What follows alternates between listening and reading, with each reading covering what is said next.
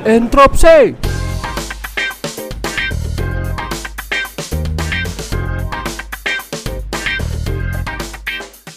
Salam interupsi. Teman-teman semua, kali ini interupsi kedatangan salah satu calon ketua umum IAITB, yaitu Saska. Bagaimana persiapan beliau dan bagaimana juga konsep-konsep yang akan beliau bawakan untuk IAITB ini, mari kita dengarkan. Halo, selamat malam Saska, apa kabar? Halo, malam Dinos, kabar baik. Gimana Mantap. kehidupan di seberang sana? Waduh, di Jakarta Timur sih sangat lancar, baik ya, tidak ada hambatan ini. Oke, good to hear. Nah, kalau boleh tahu nih, eh, sekarang lagi sibuk apa nih selain Caketum ITI ITB ya? Hmm. Eh, ya kalau lihat dari apa eh, statistik time tracking gue selama dua bulan terakhir ya kan gue nyatet waktu kerja tuh semua kerjaan gue dicatat pakai app. Eh, mayoritas justru ya memang si pil ketum pil ketum ini sebenarnya eh, yang majority lah 80% waktu gue ke sini. Tapi di sela-sela itu gue yang nggak kecatat mungkin ngurusin di rumah ya maksudnya masih sibuk anak kan gue anak dua eh, yang satu udah SD jadi yang SD ini eh, sekolahnya kan PJJ kan pembelajaran jarak jauh. Jadi ya gitu on a daily basis pokoknya tandeman sama istri gue eh, gue membantu sebisa gue supaya make sure eh, urusan rumah beres supaya hidup aman tentram di ngurusin begini-beginian kan gitu. Di luar itu juga eh, running company juga masih. Gue masih ber- bekerja sebagai konsultan di uh, perusahaan gue namanya Labtech Indi. Kita uh, bantuin klien-klien yang mau bikin aplikasi, bikin produk gitu ya. Uh, kita bantu melakukan uh, user research, uh, desain solusinya atau develop solusinya. Nah kita mostly utamanya gue lebih banyak ngebantuin ngeterjemahin kebutuhan bisnis klien jadi uh, jadi semacam work plan-nya apa gitu. Jadi itu masih dilakukan juga dan alhamdulillahnya uh, dengan apa ya dengan situasinya sekarang lagi WFH hmm, udah setahun nih gue sama teman-teman di kantor WFH setahun lebih uh, bisa di manage lah sejauh ini gitu. Sibukannya itu aja sih sebenarnya. Kerja ur- urus rumah dan pil ketum. Oke, mantap. Ternyata pil ketum ini time consuming juga ya, banget banget. Banget ya. Nah, kan kayaknya kesibukan lo juga selain pil ketum ini udah ada ya kerjaan dan keluarga juga. Tentu dari keluarga tuh butuh support juga ya. Maksudnya di rumah juga pasti harusnya ada support juga. Kalau dari Mhm. keluarga sendiri gimana sih supportnya gitu? Hmm, ini mungkin jawabannya agak agak beda ya. Kalau di support dari terkait pil ketumnya ini gitu ya. Eh, Atau iya, pertanyaan yang lebih detail ya. Di Gimana, gimana? nggak nih pil ketum ini? Nah itu dia. Eh istri gue bukan yang suka gue ikut begini-beginian.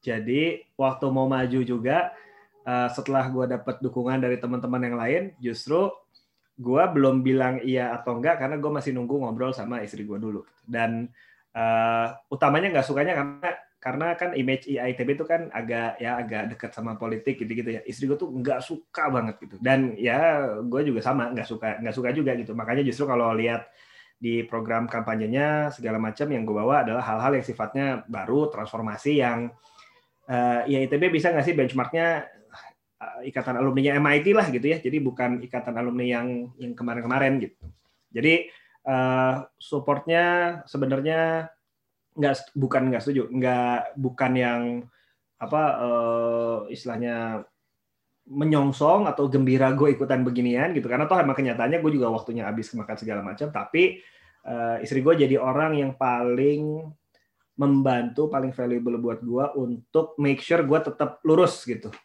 Karena eh, semua pilihan yang diambil atau walaupun istri gue nggak ikutan ke tim ses atau ikut ngobrol sama tim yang lain juga nggak tapi dari dengerin gue meeting segala macam eh, tetap tuh ngasih masukan-masukan yang make sure gue on the right track sesuai sama value yang gue bilang gue punya value itu gitu. Jadi eh, dukungannya banget, tapi dalam bentuk yang mungkin malah kayak yang eh, mengkritisi gitu ya. Tapi justru itu itu seru dinamika gue dan istri gue the way we tandeman demikian. Oke, mantep. Berarti dari dalam keluarga juga sebenarnya dukung-dukung aja ya. Nah, mau iya, nanya ya, nyokap gua, nyokap gua dukung banget kalau nyokap gua malah. Karena karena nyokap gua wah anak gua hebat eh ini ini apa ikut tampil di mana gitu. Jadi kalau nyokap gua mah lebih lebih ngelihatnya aspek itunya. Wah anak gua apa uh, hebat pada orang pada dukung pada support. Wah ngelawannya saingannya mbak angkatan 80-an wah semangat. Eh pada gitu-gitu lah kalau nyokap gua. Padahal mah pusingnya pusing pusing. Pusing yang dibikin seru lah. Siap siap Nah, mau nanya nih, kan tadi ada teman-teman juga mungkin yang dukung. Dari circle mana sih yang paling awal mendukung Saska ini? Apakah dari teman kerja kah atau dari teman angkatan gimana gitu? Yang awal-awal mendukung tuh teman seangkatan memang. Tapi seangkatan kan gue 2003 ya, elektro. Uh, nggak necessarily hanya di elektro 2003 aja, tapi justru teman-teman yang dulu main bareng. Jadi uh, apa ya, big supporter gue yang pertama justru adalah teman-teman yang jadi ini tuh sekarang gue bertim ses tim sesan sekarang ini kayak lagi reuni pada zaman 15 tahun lalu tapi reuni dengan teman-teman kan dulu gini ketua tim ses gue kan Izul Zulkaida Akbar. Izul tuh dulu presiden KM uh, eh, pas tahun 2007 2008 kalau nggak salah. Itu uh, apa namanya uh, dia kahim fisika dulu gue kahim elektro gitu kan Terus kita dulu uh, memajukan Izul sebagai presiden KM gitu uh, dan teman-teman kahim-kahim yang lain. Waktu itu pokoknya kita golongan tengah lah gitu kan. Kalau di kampus mungkin pernah dengar ada golongan mana golongan mana gitu ya. Pokoknya kita golongan tengah gitu dan uh, kita maju dengan spiritnya itu spirit uh, kita mah pokoknya mau seru-seruan gitu mau bikin kemahasiswaan terpusat tuh terpusat tuh seru gitu dan uh, dulu saya jadi pendukungnya Izul atau eh, kemudian jadi men Menko lah ya aktif di kabinet waktu zaman Izul.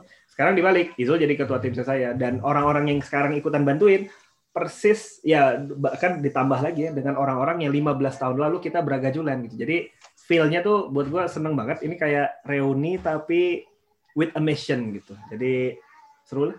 Dibikin cerita, dibikin episode uh, apa ngalahin Wanda Vision juga mungkin bisa seru bisa dibilang kayak mengulang masa-masa muda kembali ya agak-agak iya, iya, iya. begitu ya.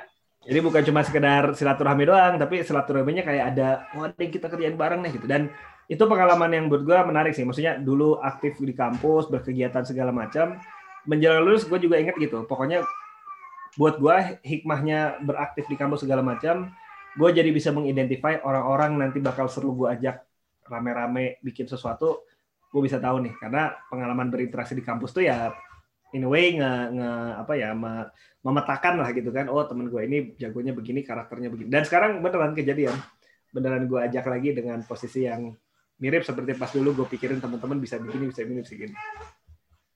Oke, mantap. Jadi pembelajaran ada juga pembelajaran buat kita juga yang muda. Ya kayaknya teman-teman dulu seperjuangan juga kalau dipanggilin lagi kayaknya masih bisa ya. nah, itu dia. Nah, untuk bisa supaya masih bisa adalah perlu make sure kita punya genuine interest pada apa, apa genuine relationship lah waktu dulu kita berseru-seruan bareng gitu. Oke, mantep banget. Nah, kalau dulu tuh waktu lu kuliah, itu kegiatannya apa aja selain kahim tadi itu? Sama jadi menko misalnya. Ya, uh, di kampus gue sebenarnya lebih banyak main ya. Maksudnya daripada kuliah di labnya, gue termasuk yang uh, apa main tuh dalam artian bukan juga yang aktivis yang gimana ya. Maksudnya gue main di himpunan, nongkrong gitu kan, terus ngerjain project-project, walaupun nggak banyak kalau gue projectnya. Pokoknya nongkrong lah. Terus dulu, dulu pas di uh, sempat ada momen-momen pas 2006 tuh pasar seni 2006 kan HME sering diminta bantuan buat proyek-proyek kecil lah ya buat mahasiswa juga gitu buat studio anak desain produk misalnya gitu. Nah kita sempat gue dulu sempat ikutan walaupun ketua proyeknya bukan gue tapi anak uh, divisi workshop lah kalau di HME gitu ya. Kita waktu itu diperbantukan untuk ngegelar kelistrikan jaringan kelistrikan se ITBN untuk pasar seni 2006 gitu. Nah itu pengalaman yang seru buat gue karena selain ada project bareng sama teman-teman himpunan, itu juga jadi kesempatan gue buat uh, kenalan, berinteraksi sama anak-anak seni rupa gitu, maksudnya buat pasar seni gitu ya. Dan apa dulu juga itu juga yang membuat gue sebenarnya jadi banyak banyak ke influence cara berpikir desain. Makanya gue kan sekarang sebenarnya praktisi design thinking gitu. Jadi gue banyak keracunan walaupun belajar design thinkingnya baru setelah lulus, tapi banyak keracunan cara berpikir ya open terhadap kolaborasi lintas disiplin tuh pas zaman-zaman itu sebenarnya pas mulai uh, aktif di himpunan, ketemu kesempatan interaksi sama banyak orang gitu. Bahkan pas di ketua himpunan uh, di himpunan itu gue juga sempat ya apa di ketemu ini kan di Forsil lah forum silaturahmi gitu ya. Jadi ya banyak banyak belajar tentang karakter orang, tentang ngobrol, tentang apa uh, forum gitu ya, forum publik segala macam. Dan selain itu juga gue aktif di Apres, di unit Apres. Uh, gue dulu ketua uh, ya ketua un uh, apa kader, Jarkuawa apa kaderisasinya Apres lah gitu ya penerimaan anggota barunya gitu. Jadi ya gitu. JVV, JVV. JVV, JVV. Bikin apa? Bikin konser, terus nyiapin ngeproduserin acara, terus main juga gitu. Jadi ya ya menyalurkan inilah menyalurkan uh, ide-ide otak kanan di Apres. Oke mantap. Nah uh, kita mau tahu nih sebenarnya apa sih yang bikin tim SAS for IAITB itu beda dengan tim yang lain? Hmm, um, karena gue nggak tahu tim yang lain kayak apa, jadi sebenarnya gue nggak bisa menjawab secara teknis. Tapi uh, menurut gue tim SAS ini, teman-teman yang tergabung di tim SES-nya Saska ini, tim SAS gitu ya, uh, adalah teman-teman yang satu personally kenal gue, genuinely uh, genuinely mau mendukung gue, utamanya itu gitu. Tapi tidak sedikit juga yang belum perkenal gue sama sekali gitu. Tapi join di Slack, jadi tim ses, jadi uh, ngerjain beberapa, megang beberapa tanggung jawab karena uh, mereka believe sama apa yang gue propose gitu bahwa IITB ini perlu bertransformasi gitu karena uh, yang gue sampaikan kan sebenarnya IITB itu harus transformasi paling tidak ada dua aspek. Satu, eh, cara kita menggovern diri kita sendiri. Alih-alih eh, kita kepengurusan itu modelnya sistem kepengurusan yang apa ya, yang sifatnya yang nggak eksklusif juga sih. Tapi hmm, kalau di ini gue tulisnya hierarki versus holokrasi. Kalau hierarki kan di situ bentuk strukturnya piramida, authority, wewenang itu ada di ketua dan turun temurun ke bawah gitu ya. Tapi kalau holokrasi ini mengenable teman-teman buat uh, punya ruang di sana gitu. Jadi kita ngasih ruang buat para orang-orang untuk uh, berkontribusi ke si kepengurusan. Nah di tim ses ini kita sudah eksperimen itu gitu, maksudnya sudah mempraktekkan itu even sebelum ngomongin kepengurusan. Jadi gue rasa poin yang di luar dari urusan mereka mengenal guanya adalah buat yang belum kenal gue sekalipun mereka gue asumsikan mereka dapat opportunity buat mengaktualisasikan concern dia, concernnya mereka, pandangannya mereka dan uh, uh, energi yang mereka pengen kontribusiin. Gitu. Jadi yang pertama gue rasa soal itu karena gue ngasih ruang buat everyone contribute di sini.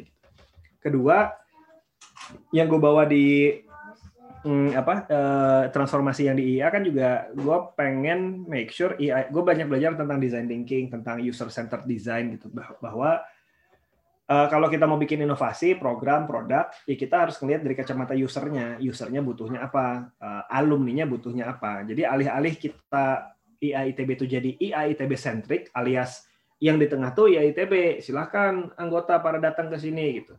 Justru dibalik kita harus jemput bola. Alumni butuhnya apa ayo kita coba identify itu, opportunity-nya apa, needs-nya apa, gimana cara kita nge-solve-nya gitu. Dan ini fundamental ke tataran taktik teknisnya nanti, karena jadinya jatuhnya program-programnya pengurus itu jemput bola, nanya kebutuhan orang apa gitu, eh, bagaimana kita bisa support gitu. Dan itu nggak mungkin bisa jalan kalau eh, pengurus-pengurusnya tidak punya poin yang pertama tadi yang gue bilang di tim ses, yaitu eh, punya apa namanya willingness untuk uh, kontribusi gitu. Nah karena karena di tim ses ini teman-temannya punya punya expertise tentang misalnya kita punya program tentang kebencanaan. Itu tuh programnya bukan datang dari gua, programnya datang dari teman-teman yang memang punya interest, teman-teman yang punya expertise, ngobrol sama sesama teman-teman yang punya kebencanaan dan itu lintas jurusan gitu. Dari situ secara organik jadi muncul program gitu. Nah, yang nanti mau eksekusi siapa? Ya teman-teman itu juga gitu. Dan mereka bukan pengen jadi think tank doang atau pengen jadi pengen numpang ngaramein doang, mereka genuinely pengen make it happen gitu. Nah tugas gue sebagai misalnya nanti jadi pengurus adalah bagaimana memfasilitasi kebutuhan mereka supaya idenya jalan, entah cariin pendanaan ke, entah cariin network atau nyariin senior alumni yang bisa uh, mentor ya gitu ya. kebijakan ya? misalnya atau mentor gitu. Jadi ya uh, apa gua rasa yang spesial barangkali ya dari yang kita adalah sejak dari proses tata kelolanya kita tuh udah udah gitu, udah user centered dan udah powered by people bukan bukan top down tapi bottom up gitu. Itu secara teknis organisasinya kita udah begitu gitu. Oke, mantep banget. Nah, kan sebenarnya alumni-alumni itu sudah punya bayangan sendiri ya tentang IA itu bagaimana dengan segala macam jenisnya gitu kan. Terutama juga apa namanya marketnya itu demografi itu rentangnya panjang juga tuh dari alumni tahun 60-an sampai 2000-an begitu kan. Hmm, hmm, hmm. Nah, kalau strategi dari tim Saska ini buat apa ya buat meracuni lah buat meracuni calon pemilih untuk memilih Saska itu apa sih strateginya untuk memenangkan pemilu inilah terutama ya, ya, kan ya. hal yang baru mungkin ya ya kalau gue sih pertama utamanya gini buat gue kepentingan kenapa gue merepotkan diri untuk maju karena gue percaya IAITB harus bertransformasi. Jadi goalnya adalah transformasi. Kenapa harus transformasi? Karena ya tantangan yang kita hadapin angkatan teman-teman nih 2011 2012 gitu ya tantangannya tuh tantangan kalian dan adik-adik kalian gitu. Maksudnya soal bahwa nanti uh, kampus kita kita kompetisi lawan uh, apa uh, tenaga kerja dari luar kan gitu ya. Terus bahwa sekarang karena pandemi semua area kehidupan berubah gitu kan uh, dan digital disruption, digital di apa namanya teknologi disruption itu sesuatu yang inevitable, nggak bisa terelakkan lagi. Makanya, in order supaya kita bisa survive, karena ini bukan cuma sekedar jadi tools digitalnya aja, tapi akan mengubah segala macam orang kampus aja kan sekarang perkuliahan juga udah wisuda aja udah online kan gitu. Maksudnya semua lini kehidupan bakal berubah. Nah kalau kita tidak bisa memitigasi, mengantisipasi perubahan-perubahan yang datang, maka ya kita bakal hanya jadi follower, kita hanya bakal kena debunya doang gitu. Dan kan namanya problem tuh selalu ada opportunity ya. Maksudnya uh, kalau di tulisan Mandarin aja uh, krisis itu equals to opportunity artinya gitu. Jadi menurut gue ini momentum bahwa kita harus make sure IITB bisa bertransformasi. Untuk gimana transformasinya? Tadi gue bilang lebih user centered gitu, lebih menempatkan alumni sebagai uh, needs yang perlu di direspon. Sama kedua, cara mengorganize diri kita juga ya kita manfaatin tuh uh, organisasi yang sifatnya holokratik gitu ya, ditenagai sama apa self management uh, rather than terpusat sama pemimpin gitu self management dan uh, ujung-ujungnya dua hal ini akan bisa uh, mengenable IITB jadi relevan di masa depan. Nah, um, buat gue sih yang mau mau di strateginya buat Richard, gue percaya ini gini. Uh, gue yakin gue akan menang jika dan hanya jika ternyata cukup banyak orang yang percaya bahwa betul IITB harus transform. Gitu. Tapi gue percayanya banyak nih kenapa gue maju juga karena gue percaya banyak banget gue yakin lebih dari 50% alumni ITB terutama yang muda-muda kan angkatan 2000-an 2010-an kan nih populasinya 70% dari total alumni itu. Gue yakin ya 50% lah, 50% at least dari yang total seluruh alumni ini percaya bahwa IAITB harus berubah, harus bertransformasi. Nah, tapi itu tergantung dari apakah tugas gue sekarang adalah apakah gue bisa nge-reach out ke sebanyak mungkin orang itu untuk bilang bahwa eh teman-teman ada nih si Saska nih nomor 8 dia mau mentransformasi IITB kalau lu believe in the same belief yang Saska percaya, yang Saska lihat gitu, bahwa kita harus transformasi, ayo bantu dukung gitu. Nah, tugasku tuh melakukan itu aja. Dan gue percaya sebenarnya banyak yang percaya bahwa kita harus transformasi. Tinggal gue bisa nggak tuh reach out ke orang-orang itu. Nah, orang-orang ini nggak hanya dari angkatan 2000-an. Tentu mungkin secara statistik populasi mereka yang believe soal transformasi angkatan 2000-an, 2010-an. Karena mereka hidup di era sekarang kan gitu. Tapi gue yakin ada juga angkatan 90-an, 80-an yang mungkin 70-an bahkan sampai 60-an yang bisa ngelihat apa yang gue lihat juga gitu soal tantangan di masa depan uh, tantangan global gitu kita menghadapinya bukan cuma dari dalam tapi dari luar segala macam gitu nah ini um, caranya adalah sebenarnya ya kita udah coba macam-macam cara ya salah satunya adalah hearing ketemu keliling-keliling gitu tapi memang cara paling benar tuh ngobrol gitu ngobrol yang face to face atau kalau nggak bisa face to face zoom to zoom gitu ya ngejelasin kita niatnya apa, intentionnya apa, kenapa kita butuh bantuan support dari abang-abang gitu. Eh, dan itu dilakukan secara organik. kalau menurut kuncinya itu. Memang unfortunately nggak bisa cepat kan, nggak bisa masif, nggak bisa banyak gitu sekali jadi ngedatengin banyak orang. Tapi ya cara paling benar itu sih karena kalau orang udah percaya ah milenial mah nggak akan bisa gitu. Ya mau gue kasih data gimana pun mereka nggak akan percaya kan gitu. Jadi tugas gue tuh justru mengidentifikasi mana alumni alumni senior yang juga believe the same thing yang gue believe gitu dan gue ngobrol cerita oh saya mau melakukan begini begini gini mohon dukungannya gitu oke mantep kalau di awal kan uh, kita udah denger nih masalah apa namanya uh, tim Saska itu mau IAITB itu apa ya bergerak atau bikin program itu harus mendengarkan juga usernya itu maunya apa. Nah, nah tentu kan ide-ide itu juga harus di apa namanya ya disampaikan ke calon user itu dengan apa ya dengan karakteristiknya masing-masing. Nah bahasa yang sesuai gitu. Ya bahasa yang sesuai. Nah boleh tahu nggak sih boleh tahu nggak uh, channel-channel apa aja sebenarnya yang dipergunakan untuk tiap generasi mungkin atau tiap tiap tiap hmm. kelompok gitu.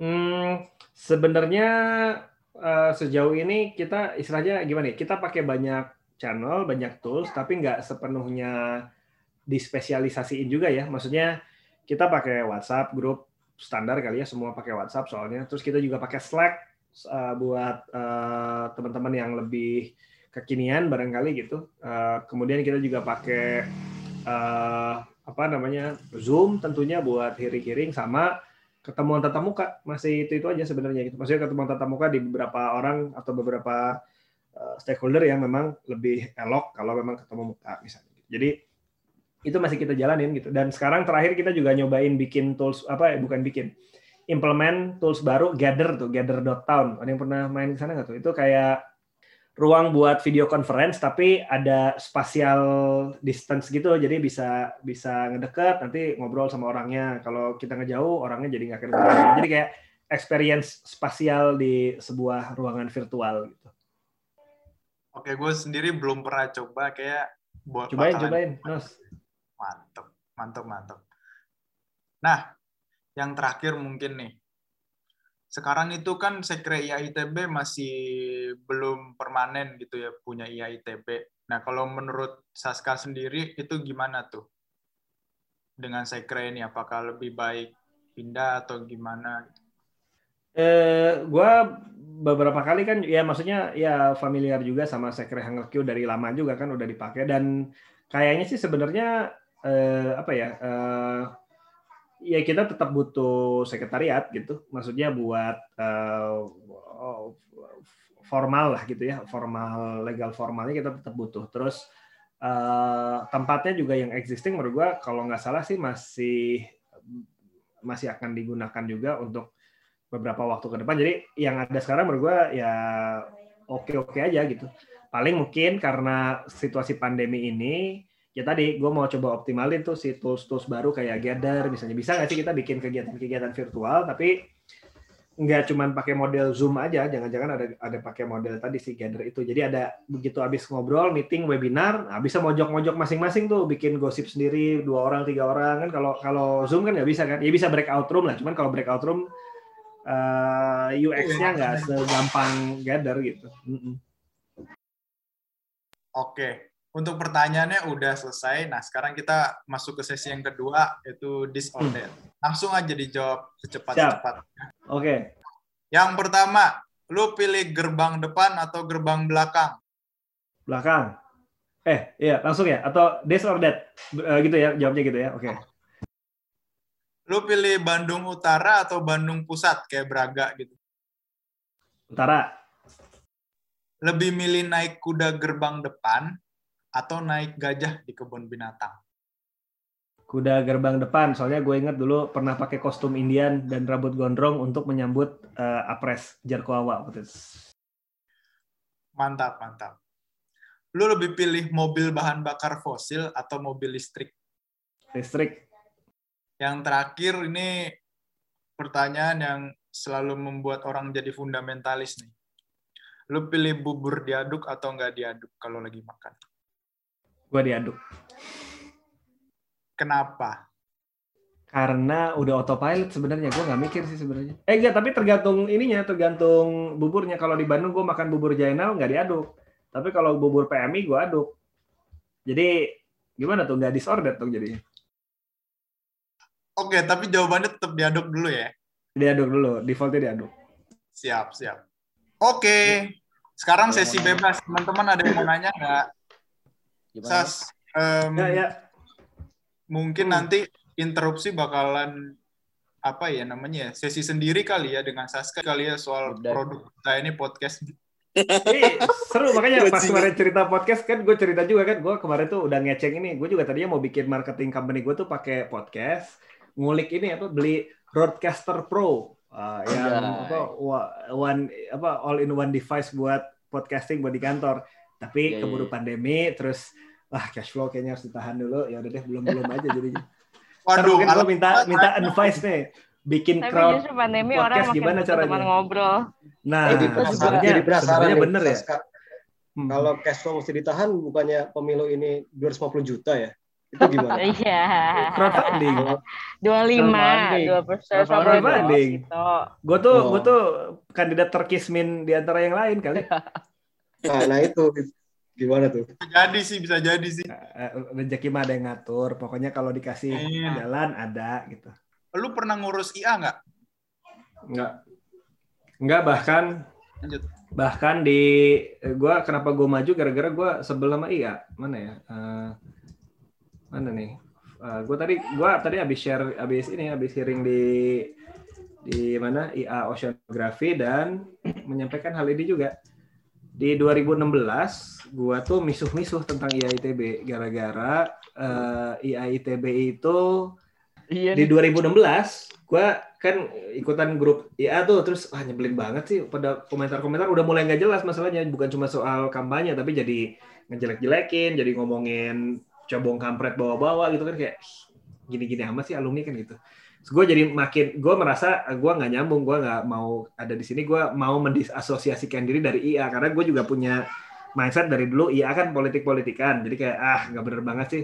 Kayaknya ini gara-gara kepengurusannya atau IA ITB-nya sendiri nggak jelas tuh keanggotaannya menurut gua. Karena eh, di IA kan semua yang ya kan kita semua anggota nih jadi IA tapi kan nggak ada konsennya lo tiba-tiba punya hak punya kewajiban orang nggak aware itu apa kan gitu Iya. jadi gue baca-baca tuh ada ART terus ya gua tulis gini lah menurut gua tuh harus jelas keanggotaan IA selain harus jelas harus jelas juga keluarnya gimana. Atau kalau orang yang nggak mau jadi anggota gitu. Karena di ADART kita itu nggak ada cara keluar. Jadi eh, ke keanggotaan itu berhenti kalau apa tuh nggak ada. Jadi kalau kita meninggal nih masih tetap statusnya anggota IAITB gitu. Jadi kan kayak apaan sih gitu? Organisasi yang alumninya menteri segala macam gini-gini amat di level yang yang ada ART kan gitu. Nah omongan ini gue sampai seriusan tuh kapan nih rakernas IAITB gue mau ngusulin perubahan. Hampir waktu itu gue ikutan cuman gara-gara nggak bisa gara-gara apa ya? Nah, ini kan hari Jumat ya udah gue mau masuk. Wah, cuman nggak bisa akhirnya. Terus kalau di Facebook kan gitu ya setelah lewat setahun eh, ini last year lu abis ngapain? Kan gitu. Nah pas tahun Oh. depannya muncul lagi itu gue masih gatel ternyata gitu sampai akhirnya gue sempat mention juga bang Ridwan walaupun belum tren ya belum temenan jadi mungkin nggak direspon Bang Ridwan, apakah ada dari pengurus IAITB yang bisa saya ajak konsultasi mengenai status keanggotaan? Ini padahal gue lagi di field waktu itu lagi kerja di darat. Terus karena waktu itu gue gini kan, gue, ayo udah gue mau mengundurkan diri ah dari IA, bisa nggak? Gue mau challenge konstitusinya IAITB, bisa nggak? Ternyata nggak bisa. Gitu. Karena sekarang nggak ada mekanismenya. Kalau gue mau cabut, lu nggak bisa lo mengundurkan diri dari IA tuh nggak boleh. Jadi, eh bukan nggak boleh, nggak bisa, nggak ada mekanismenya. Ada celetuk punya celetuk sampai akhirnya ada yang nyeletuk gini. Eh udah sas. Mana si ade? Si ade itu ade ade sama udahlah sas matak maju jadi ketua ya bikin kongres ubah aturan terus mundur. Gagah katanya kan. Wah bener juga nih kata gue ini lumayan eh, apa eh, rebellious juga nih ya pokoknya long story short di conversation yang lain gue ya bilang apa eh, ya udah eh, kalau nanti ada ke, apa eh, kesempatan pemilu yang berikutnya gue maju dukung ya kata gue gitu. Ya udah dari situ ternyata tiap tahun gue masih masih sebel sendiri ya? tiap 2018 gue nge-repost gitu kan. Terus 2019 masih juga ngomongin oh gak ada 2019 enggak mungkin insap 2020 kayaknya masih itu. Uh, nanti kalau pencalonan gue bikin screenshot ah, ya pokoknya gitu. Akhirnya gue beneran ini Januari tahun lalu nih. Padahal belum ngomongin iya iya. Nah kalau pertanyaannya kemarin ditanya kenapa sih Saska maju ngambil form, ya sesimpel gue melurus apa kalau kata Ulises tuh TI 2003 ketua UKSU filosofi huruf alif katanya apa yang diucapkan dilakukan dipikirkan harus satu garis lurus ya udah karena gue dong bilang begitu ya udah gue lakukan aja. Pas kemarin ngambil form toh yang pertamanya kan juga tinggal ngisi form Google Form doang kan kagak repot-repot. Nah udah ngisinya itu baru kemudian gue eh, gimana ya? nah, udah itulah baru ngobrol sama sama teman-teman yang sas beneran nih soalnya ah jadi cerita. Mereka yang bilang lu kalau nyalain sekarang ada kemungkinan menang karena ini semuanya online nih gitu. Kalau dulu mah susah lu harus keluar biaya buat pergi ke mana terbang ke mana terbang ke mana. Kalau sekarang online gitu. Nah ini ya buat gue juga jadi mikir kayak ya udah timingnya kayaknya emang harus diedankan ya udah kita edankan edankan Mantap. Tadi gue tertarik sih pas dibilang pengennya bottom up. Eh, kita kan ini ya udah familiar sama konsep bottom up itu dari konsepnya KM ITB juga udah bottom up. ya, Dan ya, ya. menurut gue, walaupun gue pernah ada di gue dulu pernah ada di eksekutif dan di legislatifnya KM ITB dan menurut gue bottom up, Hmm. bottom up itu nggak works. Maksudnya Hmm. nggak punya impact yang besar secara menyeluruh. Hanya di beberapa sektor aja mungkin di advokasi itu paling ngerasa. Hmm. eh gue penasaran ini sih Kak Saska. Maksudnya, Ya. eh, kalau gue merasa IASR itu sangat membantu alumni SR itu tepat guna eh, dan networkingnya juga pas. Sedangkan Hmm. IAITB itu kan bland, bland kayak oh semuanya ada di sini. Mungkin gue nggak tahu ya. Mungkin anak-anak IA mesin, IA eh, GL itu mungkin lebih attach sama IA jurusan Ya, ya. masing-masing karena mengerti sama apa yang alumni yang butuhkan. Nah, eh, gue tuh sampai sekarang belum mendengar calon eh, yang bilang eh, mau mengutilisasi IA IA jurusan ini atau enggak. Maksudnya mengutilisasi dalam artian terserah ya. Maksudnya apakah mau menjalin hubungan secara koordinasi atau ternyata mungkin dibikin komando atau kayak gimana gitu. Ya. Kalau dari Kak pernah ada kepikiran apa enggak? Soalnya kan kita bottom up tuh dari dulu ya. Semuanya dari masa. Ya, ya, ya, ya.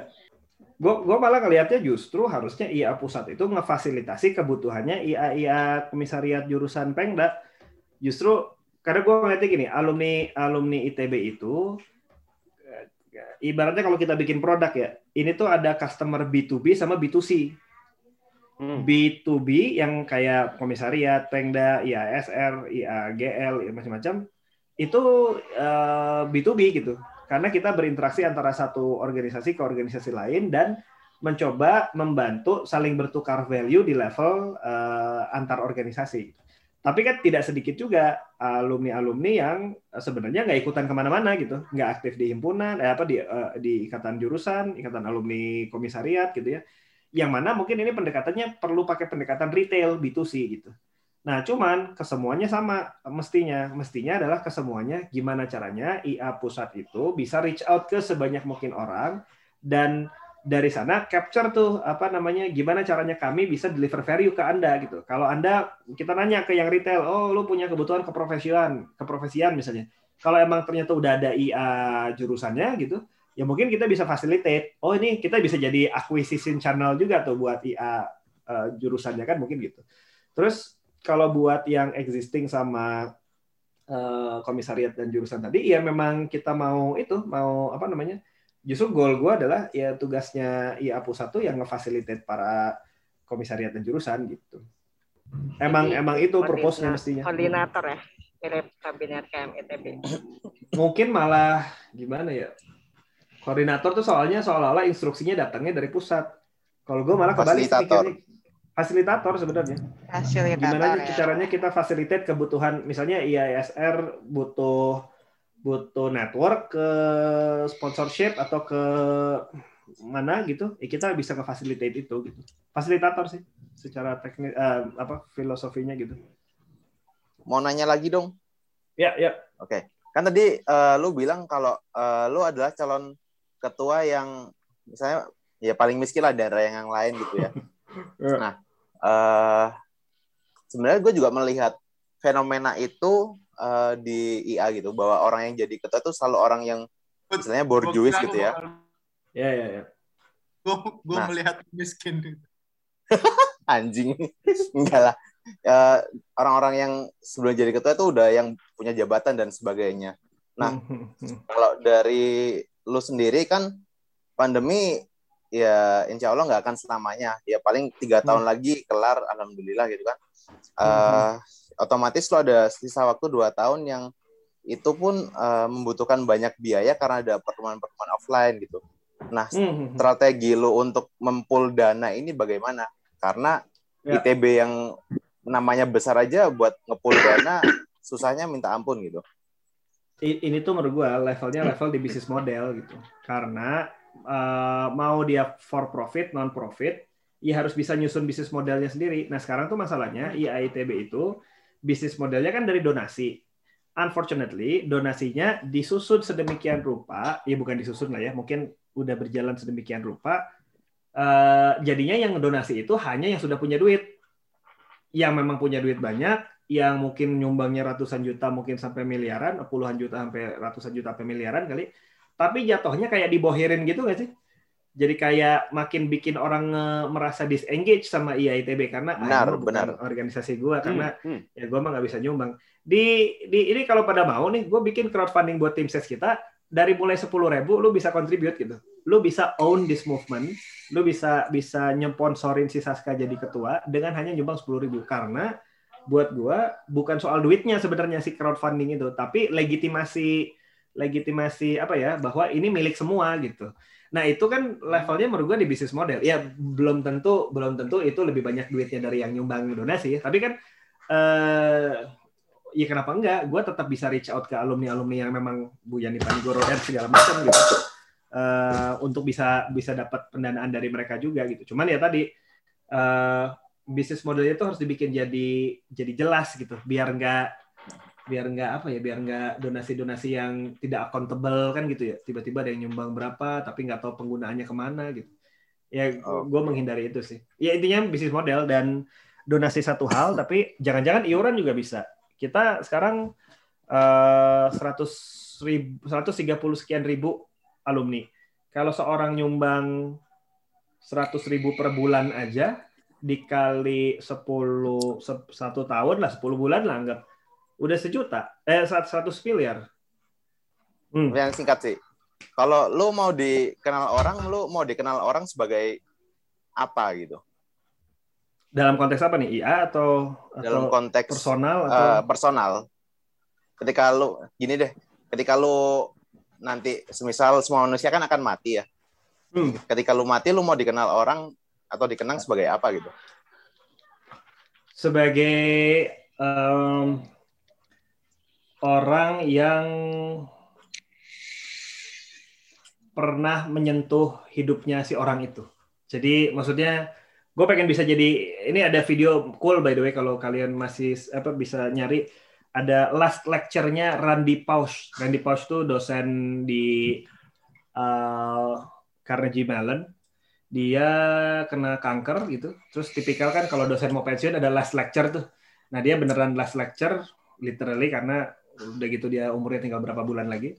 Dan dia cerita dia computer science, dosen computer science, dia kemudian uh, cerita tentang ya last lecture-nya itu ada satu poin yang catchy banget buat gua soal uh, when you grow old katanya uh, happiness buat lu tuh malah ketika lu bisa mengenable happiness-nya orang lain alias uh, ya ketika lu bisa mengenable orang lain tuh itu ini banget gitu itu uh, lebih meaningful gitu. Dan ya mungkin philosophically speaking gue setuju banget sama itu gitu. Soal ya gue nggak tahu caranya gimana gue nggak tahu bidangnya apa. Pokoknya gue mau bisa mengenable orang lain. Makanya itu ke bawah-bawah sama tools yang gue ajuin di Holacracy ini bukan soal si Saskanya. Dan gue juga bukan nge-set up ada capaian-capaian apa ya capaian program-program yang dari gua banget. Enggak tapi justru gua ngasih ruang buat orang-orang yang lebih pintar lebih expert dari gua banyak banget gitu alumni ITB gitu maksudnya orang gua lulus aja cuma IPK 2,65 gitu kan jadi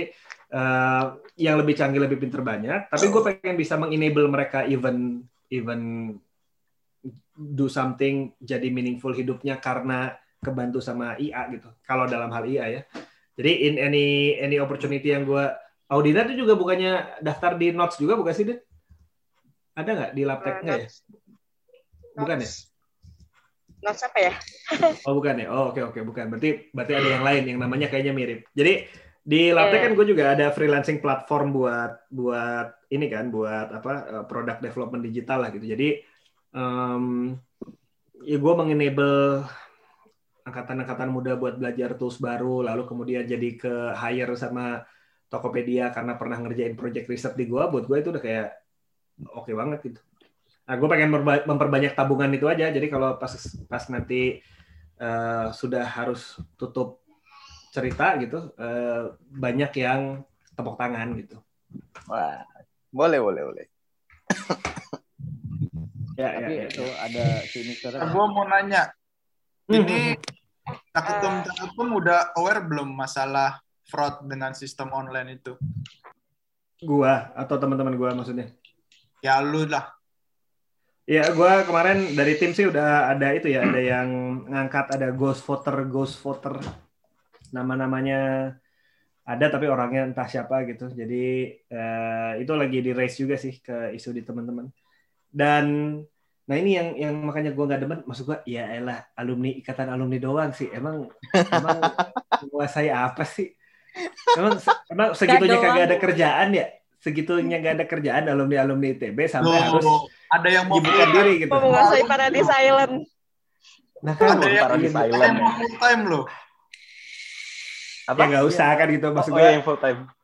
gue gue mau gue ya makanya gue ya, gimana ya ya makanya gue mau udah deh udah ya ITB mah ngomonginnya yang yang ke depan aja yang lempeng-lempeng aja gitu jadi kita jadi geek aja lah gitu Oke, terima kasih Saska. Nah, untuk yang terakhir boleh kasih apa ya? Kasih penutup, boleh apa namanya? Boleh minta untuk dukungannya juga silakan. Ya, kalau gue sih sim- simpel aja seperti yang tadi gue bilang.